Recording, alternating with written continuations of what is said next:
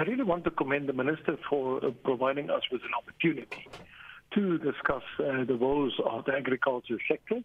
And uh, most of the key role players were present. And the Minister got a very good idea of what's happening in the space. Remember, with load uh, shedding level 6, uh, you can hardly irrigate your uh, seedlings properly.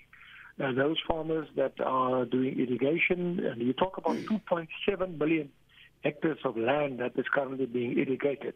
It includes sugar farmers, it includes uh, maize farmers, it includes also perennial crops.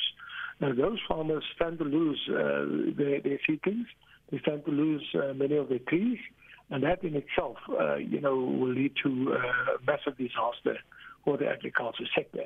If you add to it, uh, you know, fruit farmers that have to export, that have to supply fruit and vegetables to the market, uh, if your fruit and vegetables are compromised due to the fact that there's load shedding and extended load shedding, and your cold chain cannot operate properly, uh, then you also um, uh, compromise the quality of your products. And that pro- those products are then rejected by the market.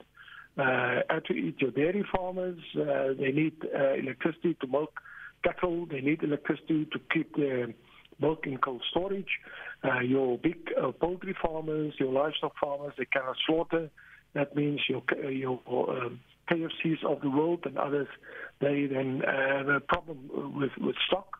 Uh, so yes, it's a massive disaster for the agriculture sector at this point in time. And Christo, your reaction to the impact of uh, the increase that NERSA announced last week of 18.65% on electricity tariffs? This income comes at a very bad time. Remember, farmers have done quite well. It uh, carried the sector carried the country during load shedding. I mean, during the COVID pandemic, and we thank government for the fact that it declared it an essential service.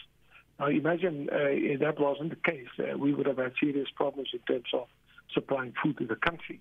But uh, the, uh, the sector, since the war broke out uh, between Ukraine and Russia, um, we have seen a massive spike in the price of diesel. Uh, it's up, uh, you know, by by uh, almost 160 percent. If you think of it in 2010 uh, 2015, we paid 10 rand a liter.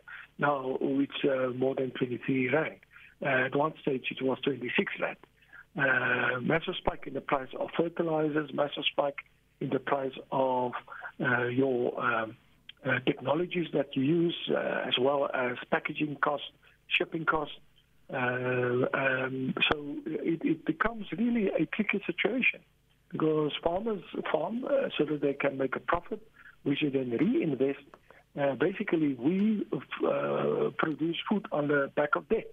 Currently, our total debt stands at 200 billion rand.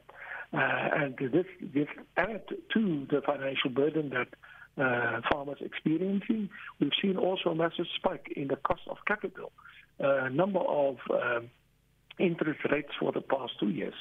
Uh, so all of these add to uh, a, a challenge for, for big, it becomes a big challenge for the farmers to maintain their financial viability. Well, Christo, it really sounds dire, uh, but we'll leave it there for today. Uh, thanks so much for your time. That was Executive Director at Agri SA, Christo van der Rede, and uh, talking to us about the impact of this rolling uh, blackouts and uh, the tariff hike in electricity uh, on farmers and, of course, our food security as a nation.